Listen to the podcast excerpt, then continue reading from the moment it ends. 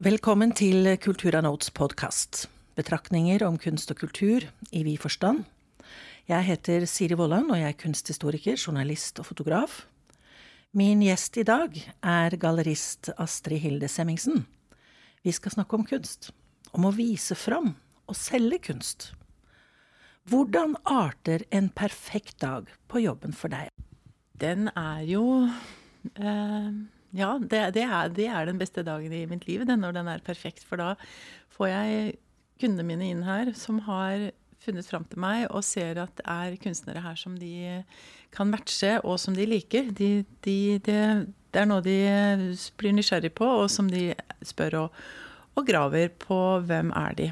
Det jeg er glad for da, er at de kommer til galleriet, at jeg har god tid, ingen forstyrrelser, og at jeg kan vise bredden i galleriet. Fordi jeg har ca. 30 kunstnere. De er norske, med unntak av én dansk. Og poenget mitt med å ha en bredde er jo også å beholde de over tid, er for å skape dette bildet av et eh, kunstmarked som er i dag, med både figurativt, abstrakt, monokrome ting, eh, skulpturelle ting tegninger, originalgrafikk Altså alt dette henger sammen. Fotografi, selvfølgelig.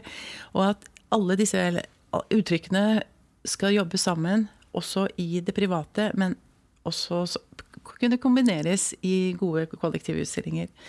Så det at jeg kan få gi dem en fullstendig oversikt over hva jeg kan bidra med Jeg forteller veldig gjerne om andre gode kunstnere i andre gallerier, og jeg oppfordrer alle til å gå mest mulig og få med seg museer. For hele bakgrunnen for å bli god, for å være trygg på hva man skal kjøpe, handler om at du må vite, og du må kunne se hva som er tilgjengelig. Og det handler om alt fra gammel historie, det handler om gammel kunst, eh, klassisk kunst. Um, nå skal jeg over på musikk, og så handler det om bøker. Og det handler faktisk om sport også. Arkitektur. Alt dette henger jo sammen. Det er kultur, og det er derfor fotball er like mye kultur som maleri. Tenker jeg. En slags livslyst? Ja, jeg tenker at du må kunne få med deg alle disse elementene i livet ditt for å kunne leve maksimalt. Og være nysgjerrig på alt. Være ydmyk mot alt. For det handler om å være ydmyk, er å lære. Og hvis du ikke er ydmyk, så har du bestemt deg på forhånd hva du skal ha. Eller noen har fortalt deg at det må du gå og kjøpe, uten at du selv har valgt det. Da blir det noen feil der. Så nå har jeg allerede prata meg veldig bort, som jeg er god til å gjøre. Og så tenker jeg at en god dag for meg er at når jeg ser at folk får roen hos meg, og lytter og hører hva jeg sier, da blir jeg lykkelig. Sier du ofte 'nei, dette skal du ikke ha'? Mm. Jeg har ikke lyst til å pålegge heller folk hva de skal ha, men jeg, det, jeg kan jo ta denne eh, tiden vi har vært i nå siste året, som jeg har vært helt vidunderlig. fordi endelig Jeg har kunder som gjerne er etab godt etablerte. Og de skal nå finne fram til kunst som de skal leve med begge to. Og det at jeg blir kalt både megler og misjonær, er nok ganske riktig. fordi jeg, jeg ser Jeg tror jeg er veldig god menneskekjenner. Og jeg er følsom på, på hvem som kommer inn døra. Og når jeg ser kom, koblingen mellom de to, og hvordan de kommuniserer, så er det veldig lett for meg å finne fram til hva, hvilke uttrykk de ser etter, og som jeg kan både utfordre dem på, og som de kan samtidig være trygge på hvis de er nybegynnere. Begynne et sted. Det er viktig. fordi før denne koronaen kom, så kom mannen i huset en dag, og så kom kona en annen dag. Og så kom mannen igjen, for han skulle se på hva hun hadde sett på. Og så kom hun igjen. Og så tror jeg de sitter hjemme og bare krangler om hva de skal ha. Og det er ikke sånn du kan komme frem. Du er nødt til å bruke tid. Du må ha god tid når du kjøper kunst. Fordi, og det ser du på forskjellen på handlingen på lørdag og søndag. Lørdag så springer de innom. Ser, er det noe her? Vi skal jo bort og kjøpe fisken, og vi skal jo på polet. Vi skal jo lage oss en god middag, vi skal rekke en tur i marka osv. Og, så og søndagen har de ikke det stresset på seg. Så søndagen, da kommer de gode kundene, og de med god tidskvalitet. Og så har de brukt lang tid på å finne ut. Da kan jeg dra ut alle lagrene her, og det ser ikke ut. Men da kommer det også veldig mye folk inn, for de skjønner at her er det, bare, er det også mer enn bare den utstillingen jeg viser på veggen. Og det er gøy. Mm. Men du sier menneskekjenner. Hvis, hvis um, dette paret som du kan vi bruker som et eksempel, mm. um, hvordan blir de enige?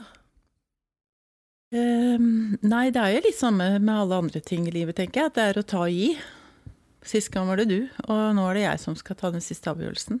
Og jeg tror det også funker, fordi da setter de sammen, hvis de går og kjøper hver for seg, da, så setter de sammen til slutt et, eh, en samling hjemme. Jeg liker ikke å kalle det samling, jeg. For kunst på veggen hjemme, det handler om en, et, et innhold i livet. Og jeg pleier å bruke det, fortelle folk om hvorfor jeg henger som jeg gjør også, gjerne når jeg hjelper folk hjemme, er at kunst er energi. Originalkunst. Og det er eh, noe som må få leve fritt. Så det du egentlig gjør, du kjøper med deg en venn hjem. Og den vennen skal sitte og, og være del av dere resten av livet, eller om du ønsker deg å kvitte deg med en. Sånn er vi jo. Av og til må vi kvitte seg med venner. Uh, og jeg pleier å si at horisontene i bildene er veldig gode, fordi da har du ikke hengt det på en linje så den forholder seg til noe annet. Heng det ofte litt fritt, fordi mellomrom og rommet rundt et bilde ofte er like viktig som, som alle disse rammene og vinduskarmene. Så, og det er veldig vanskelig å forklare, for alt, alle rom og alle vegger har sitt stilleben. Så det første jeg sier til folk, er at tenk når du kommer inn døra, se deg til venstre. Det er ett stilleben. Og hvis det er bikke litt på denne veien, kanskje du skal kjøpe en god gammeldags stumtjener eller en svart lampe eller et eller annet for at du balanserer det. Og sånn ser du rett fram. Hm, der manglet det noe i det hjørnet. Kanskje du skal flytte litt på en stol.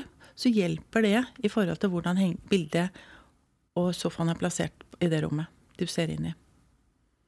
Så tenk hele tida snu dere rundt, Lag egne bilder. Så du ser også magasiner som tar bilder fra hjem. De beste fotografene og stylistene her er jo sånne som tenker veldig helhet. De bør ha kunstutdannelse for å få det til, fordi det er linjene og det gylne snitt og alle, alle, mellomrommene som er like viktige som hva som står på det bordet og henger på veggen. Mm.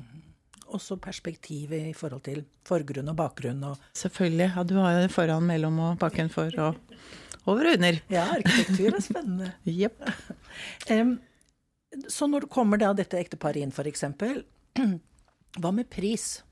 Jeg har eh, et, eh, en kundegruppe hos meg som eh, Nei, en kunstnergruppe hos meg som ligger sånn midt i leie. Fordi jeg tenker at mitt mål med det Jeg kunne gjerne ha tredoblet med god samvittighet veldig mange av mine kunstnere nå i dag, etter 20 år i, for meg selv og eget galleri. For mange av de har vært med i 20 år.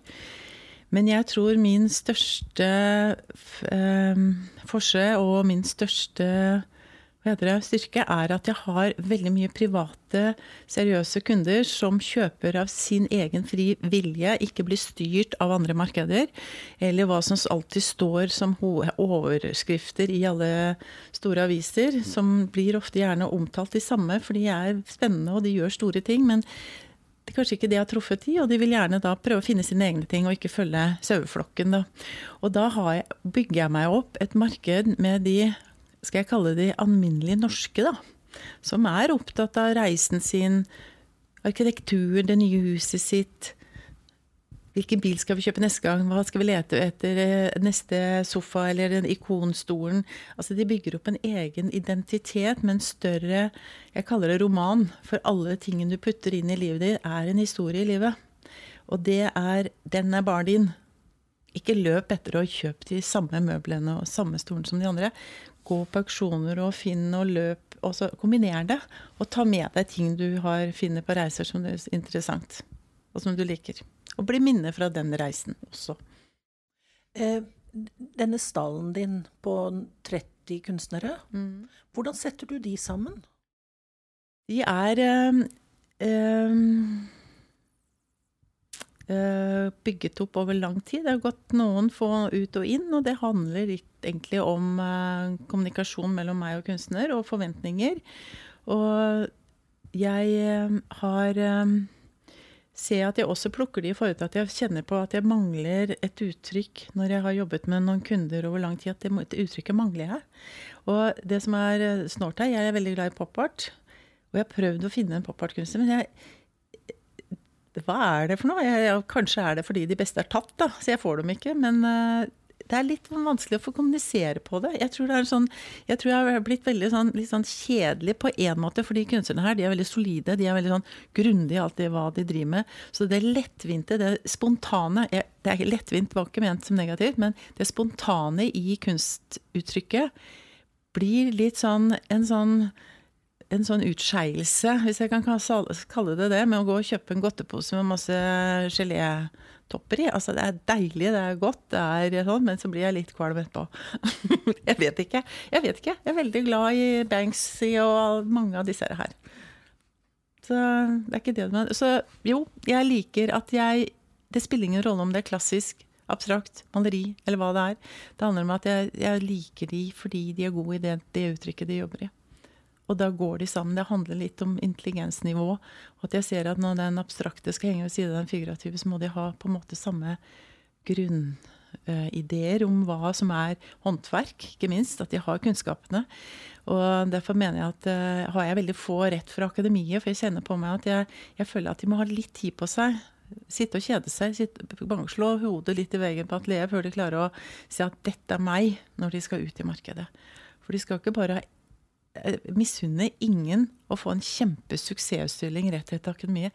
Hvor skal du gå videre? Det er tøft, altså. Og jeg kjenner på at det må være skikk, mye mer vanskelig enn om du jobb, prøver eller jobber deg opp litt sånn over tid. Du har 30, noen og 30 kanskje. Mm. Ville du Hvor mange er tilrådelig? Hvor mange ville du kunne ha hatt? Nei, ikke flere enn det. For jeg kan ikke gjenta de mer enn si mellom to, ca. to og et halvt år imellom hver separatutstilling. Og det gir ti i året. Sånn cirka, pluss-minus. Og når jeg tar inn nye, så er det ofte, selv om de er eh, selv om det er store, kjente kunstnere, som jeg har tatt inn, type Roar Eriksen eh, ja, altså, Jeg skal ikke nevne for min navn, men så så er det mitt publikum allikevel som skal bli kjent med det. Så jeg putter det da inn i de to-tre kollektive utstillingene jeg har i løpet av året, for å øh, vise de til publikum. For jeg har gudskjelov store sosiale nettsider nå. Altså, hva heter det? Vi har et stort, stort sosialt øh, plattform hvor vi kan møtes både på Facebook, våre egne nettsider, Instagram. Og så folk følger med uten at jeg vet det, så vet jeg at de har gjort det. For det kommer eh, jo hele tiden eh, inn her, og de vet jo all verden om galleriet mitt. Og jeg bare tenkte jøss, jeg har aldri sett deg før, men du vet mye om meg. Og det er kjempedeilig. Da har de gjort forarbeidet også.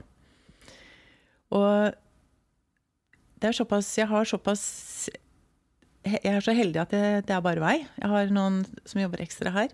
Så jeg kan jo kaste disse kunstnerne rundt som jeg vil. Det er ingen som, jeg sitter ikke noe med styre, og det er ikke noe aksjeselskap som bestemmer hva jeg skal gjøre. Og det er bare måten jeg lever på. Og, så jeg har fem roller. Jeg gjør alt stort sett. Får litt hjelp til sosiale medier. Og, og så kan jeg da både avlyse utstillinger, utsette, og jeg kan eh, forandre på programmet hvis jeg føler at det må gjøres. Fordi jeg må tenke helheten. Når du, du, har jo drevet 20 år. Gratulerer, du har jo 20-årsjubileum. Ja. I fjor. I fjor. Nei, det blir jo faktisk i 2019. Mm. Men jeg har jobbet i bransjen i 30. Ja. Og det betyr jo bare at den, den sammensetningen av kunstnere, den, det du har, det mønsteret du har, mm. det har jo vært vellykket. Fortell litt om det. Nei, jeg tror bare at jeg har klart å holde meg unna trender og, og styringer. Jeg er veldig dårlig til å gå på andres uh, åpninger og store museer. Men jeg, lik, jeg, jeg, går heller alene når jeg ikke er noen som ser at jeg er der. Og så løper jeg rundt og får jeg lov å oppleve det uten alle disse energiene i de folkene som står rundt. Da blir jeg litt forstyrra. Blir litt stressa. Selv om jeg er veldig sosial, så er jeg det er jeg, da er jeg litt eremitt. Um, og Sånn at jeg har heller hatt tiltro til de kunstnerne jeg har involvert meg i. At vi sammen har bygget oss opp sammen. Og at de kunstnerne som er eh, i stallen her, også kommuniserer med hverandre. Det, blitt, det er, var i utgangspunktet mange klikker. Og de, de, prøvde å få inn hverandres venner inn til meg fordi de mente at de var Men så måtte jo da stemme med meg igjen. Men så er det også litt sånn at jeg, jeg liker ikke å ha føringer på hva jeg gjør for andre. Sånn at eh, hvis det er for nær venninne, enten av meg eller litt nær slekt av meg, så kan jeg ikke forholde meg til det. For da kommer det plutselig familierelasjoner inn. Eller andre nære venner som Så jeg vil helst ikke Ikke, ikke kom, kom med forslag til nye kunstnere og andre kunstnere. Men Ikke av den grunn at vi skal gjøre hverandre tjenester. Det går jo bare ikke an. Jeg, jeg må være fri for den. Og jeg har ikke én kontrakt med kunstnerne mine. Jeg tenker at eh, det er som et vennskap. Altså, kommuniserer vi ikke lenger, så må vi bare la det ligge. På godt og vondt. Det er ikke så lett. Men jeg tror jeg gir eh, kunstnerne mye rom, mye tid. Jeg vil ikke styre det. Jeg kan gå inn og kommentere, men jeg vil at de skal kjenne på den styrken at de har fullstendig frihet. For jeg mener at, at den eh, Hvis de ikke har det Jeg kan nevne to, to episoder her nå, fordi jeg hadde nettopp Esti Maria Bjørneboe sin utstilling, og hun har hele tida endret på seg. Og jeg blir lik forundret hver gang jeg kommer på atelieret og sier shit, har hun endra seg så mye nå? Ja ja, det modes jeg vel med det òg. Og det som skjedde nå i denne utstillingen her, så var det faktisk en veldig god salgsutstilling. Men de to forrige var ikke så gode salgsutstillinger. Men de solgte jeg Altså det var en utstilling i 13 og i 16. Nå er plutselig de utstillingene helt utsolgt. Så det handler ikke om at bildene ikke fungerer etter en utstilling. Det vil heller si det motsatte. Det er ofte de kompliserte bildene og de gode bildene som ikke går på en åpning. Fordi vi som vanlige dødelige gategjenger, vi har ikke catcha det før vi har blitt modnet med det. Og hjernen vår jobber over tid. Så jeg pleier å si at det tar tre måneder til tre år før vi andre har sortert ideen til den kunstneren. For nå prater jeg om Da har du ikke blitt forklart kunsten av kunstneren eller gallerist. Så du må gjøre det selv. Og den modningsprosessen trenger du ofte. Og sånn er det med musikk, og sånn er det med film. Å forstå hva, hva var det han var ute etter. Så det var så rart. Vi fikk ikke helt tak i det. Men så tar det en tid, og så lander du. Har du fått sortert det. Og sånn tenker jeg at jeg liker at mine kunstnere skal få lov å frihet til å, å vise seg fra akkurat den kanten. Og de der abstrakte farvekomposisjonene farvekomposisjoner Ester har nå i sitt, sitt, språk, handler om at hun, hun planlegger ikke det. Og jeg tenker, ser for meg en eh, jazzartist som setter seg ned og er i full konsentrasjon og snakker eh, til dette papiret og farven, og så gyver hun løs på det.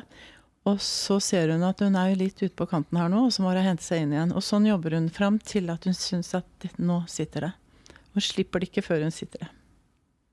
Og det er intuitivt. Det er kunnskapsrikhet i bunnen. Altså at hun kan mye om fargen, men hun liker ikke å tenke at hun skal gjøre det etter boka, for da blir det kjedelig. Da kan alle gjøre det. Dette har vi jo lært, så hun må gjøre det ut fra en intuisjon, en tilstedeværelse, som gjør at hun uh, skaper spenninger, da. Som er rare, som er annerledes, som skjærer litt, og som bryter mønstre som vi ikke har sett før. Og da kan vi jo studere det i en evig tid før vi blir ferdig med det. Denne intuitive tilnærmingen, mm -hmm. denne mhm. filosofien din, hvor kommer den fra? Eh, det er nok en eh, en oppvekst som har med at jeg har vært veldig, veldig heldig og veldig fri. Eh, folk her i byen, venninnene mine, spør jo hvorfor jeg visste ikke det var Steinerskole på Tynset. Og det er det ikke. Men jeg vokste opp ei, på en gard utafor Tynset ei mil, og ingen naboer. Vi hadde naboer, men jeg så dem ikke. Og vi hadde sagbruk og uh, gård med tre eldre søsken, veldig aktiv både på sport, musikk, mye arbeid. Og jeg var vel den minste i flokken her som hadde da de ikke hadde tid til å oppdra. Og jeg, faren min tuta med bilen for at han skulle få meg hjem, for, å, for at jeg skulle komme. Um, så jeg farta mye rundt i skau og skog og i fjøs. Og så kan jeg vel huske veldig godt når jeg var fem-seks år, at uh, jeg oppdaget um,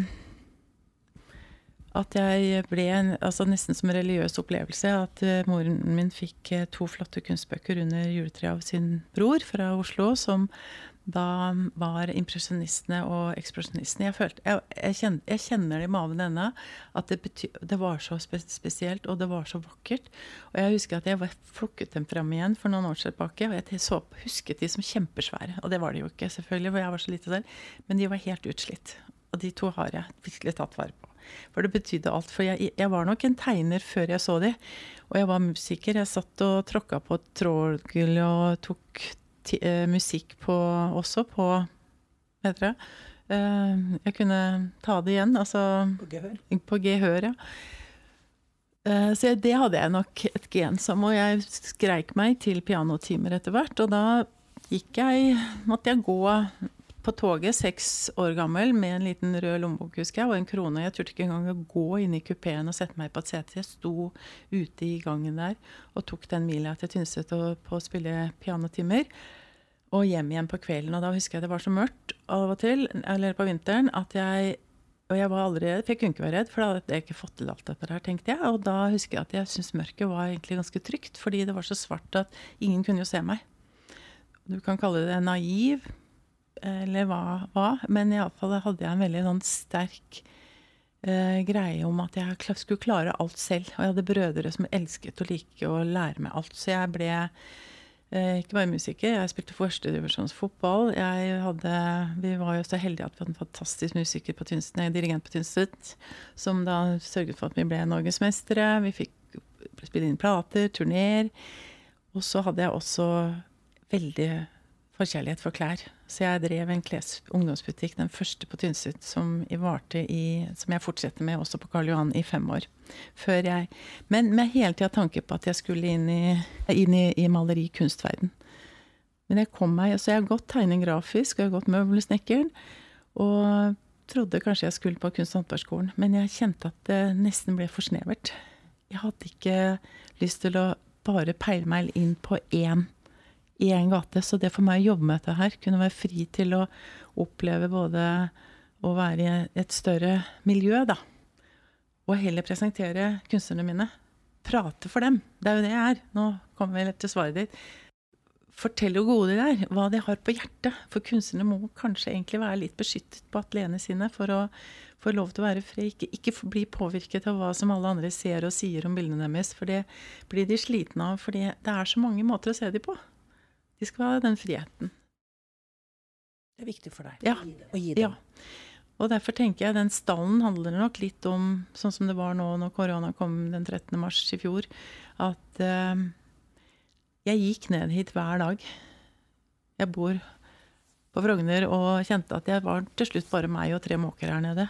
Men jeg hadde veldig mye tid til å jobbe med sosiale medier. Jeg kunne gjøre alt det jeg ikke rekker ellers. Og etter hvert så begynte det å komme Jeg bare gjorde om litt på programmet. Jeg hadde en kunstpause, som jeg kalte det, på våren, hvor jeg satte sammen en kollektivutstilling. Så tok jeg de Christer Karlstad og Roald Sivertsen på sommeren isteden, for jeg visste jo folk ikke kom til å reise ut av landet. Så det spilte ingen rolle om det var sommer, påske eller høstferie. Og jeg hadde en kjempeomsetning i fjor pga. dette her, og høsten var helt fantastisk. Så du har hatt en, egentlig en koronaboost? Ja. Og jeg tror den er der også fordi jeg, jeg har ikke noe mulighet til å gå hjem og legge meg under dyna. Da hadde jeg måttet stenge døra. Jeg har ikke noe sted å hente penger. Jeg får ikke lån, jeg har ikke en fast lønn. Jeg er et kommersielt privat galleri som ikke får én krone i støtte fra noe sted. Så jeg er en talsrør videre som da kan selge av de For jeg håper da at 20 av de 30 kunstnerne mine kanskje får se de millionene som nå myndighetene driver og deler ut. For hvem skal ha de? Hvis ikke det er oss som skal selge det videre. Hvorfor får ikke vi hjelp til å, å holde døren oppe? Jeg forstår det ikke helt. fordi det hjelper jo ikke at kunstnere får penger til å lage kunst, hvis ikke har noe sted å selge det. På museer selger jo ikke, eller store for- foreninger, forbund, har ikke den salgsapparatet som et privat gallerist kan tilby, fordi vi har en helt annen agenda og er mer sultne, da, rett og slett. Jeg tror vi er, veldig viktige i, i hele kunstbransjen, de, vi, vi, vi få private galleriene. For det er jo et paradoks at kunsten ikke skal tilknyttes et marked eller, en, eller penger eller omsetning eller den, den må jo det. Jo, men jeg skjønner hva du mener med å si det, fordi de skal ikke jobbe med kunst for å tjene penger. Det blir feil for meg. Hvis, du, hvis, hvis de sier at ja, tror du dette kan selges, så ta det med deg på et atelier, så kjenner jeg at å, jeg liker ikke at du sier det sånn. Du skal si at dette er jeg så stolt av. Dette tror jeg kan få et godt hjem. Altså, hvis du forstår forskjellen. Fordi eh, når kunstneren er fornøyd selv, så vet han at det er ikke noe mer å gi det bildet. Og da er det opp til meg å gå videre med det. Og finne den rette kjøperen. Og det kan ta år. Og har ikke, vi har ikke hastverk. For jeg mener at, som jeg begynte å snakke om i, i sted, i forhold til dette solide markedet som har bestemmer selv de, de, folkene vil Jeg har knapt nok fått tilbake et bilde på 20 år. Jeg tror jeg har fått tilbake eller spørsmål om fem-seks bilder totalt som folk vil bytte inn igjen eller kjøpe noe annet. Eller gjøre om. Og det er interessant, for da tenker jeg at de har eh, De trives med det, de føler det godt nok. Det er eh, kvalitet, og at de Det er en del av livet deres. Og så tenker jeg at det, de, alle de miljøene som da er i dette systemet, eller i omgangskrester, bygger på hverandre. Og andreårsmarked vil komme til å begynne å virke fra mine kunstnere kanskje først om ti år. Og mm, da finner du de på auksjoner, plutselig. For auksjoner handler jo om både det samfunnet vil ha, og det som skal være i historieboka. Og så må du veie de opp mot hverandre i forhold til at det er ikke så lett å få um, alle med på de mest ekstreme kunstformene fordi, og kunstuttrykkene fordi det er for komplisert. Og det skal vi ha med, og det skal bli stående der i boka. Og så har du alt, alle de imellom. Men det viktigste for meg er at kunstnerne mine har solid kunstbakgrunn. At jeg har uh, teori, altså erfaringer, er oppegående, leser musikk, er allsidige. Da ser jeg at de, de også finner og fram til et språk som de, som de skaper, og som blir det unike fra de. Kvalitet, sa du. Varierer kvalitet, eller er det en tidsånd? Jeg er jo veldig opptatt av maleriet, og har utrolig mange gode både abstrakte og klassiske malere. Og den derre hånddiskusjonen er jo faktisk ganske morsom, fordi de mest abstrakte malerne mine, de er jo de beste håndtegnerne. Ta er Ester igjen, altså som er rettstegneren vår. Jeg har liksom henne oppe i dagen nå, for nå er hun nettopp hatt utstilling her. Og har gitt ut en bok om, eh, om eh, rettstegningen. Hun er jo i NRK Aftenposten. Men, um, men det er litt avhengig av hvor, hvorvidt du vil gå videre på i andre deler av intellektet ditt, altså om du fjerner deg fra det figurative, så har du allikevel med deg den når du går inn i det abstrakte. Du kan ikke slippe det. Og den forståelsen for oppbygning av bilder, kvaliteten av uh, hvilke farger, uh, pigment, hva er et pigment, hva er, et, hva er alle lysnyanser, valører i et pigment. Et kvalitetspigment er viktig for at du skal få et godt resultat. Så det er stort sett, selv om de som ser tilfeldige ut, er kanskje de mest krevende. Det er både eh, kvaliteter på lerret og produktet og materialet de bruker. Hva slags forventninger har du til 2021? Jeg tror 2021 blir veldig likt fjoråret. Jeg tror ikke vi kan regne med at det kan åpnes opp noe mer. Så, men den Jeg tror det blir veldig godt kunstår. For jeg har bare den etter de tre-fire dagene vi har holdt åpent her nå etter jul, så har jeg rett og slett fått takk, takk, takk for at du holder åpen. Fordi det er ingenting å gjøre. Og i et stort galleri så er det ingen fare. Og i et museum er det jo utrolig lett å holde avstander og, og, og slippe inn folk. Så jeg fatter ikke at ikke alt har, er åpent av den slags. Når vi har, får lov å gå i matbutikker og til frisører og hudpleie, så kan vi hva er feil? Hva kan være problematisk? Bare ikke vi samler store mengder. Nå serverer jeg ikke vin på åpninger i tanke på at folk ikke skal glemme seg. Og, så man må ta sånne restriksjoner, og så er jeg fort veldig streng hvis jeg ser at folk glemmer seg. Det må jeg bare være. Og på de utstillingene i høst hvor jeg visste det kom nok ganske mange mennesker, for det var stort nettverk hos kunstnerne, så hadde jeg sjekkliste i døra. Så jeg sjekket ut og inn med mobilnummer og det som må til. Neste år kommer det til å bli helt fantastisk, for nå har jo endelig folk virkelig enda mer skjønt hvor mye de skal bruke penger på private ting viktige ting, næringsrike ting. Kjøpe lokal mat, kunst, gode kvaliteter, kose seg i hjemmet. Gå sakte. Gå tur i naturen. Det er kjempefint. Altså, vi har fått tilbake livene våre på én måte. Tusen takk skal du ha.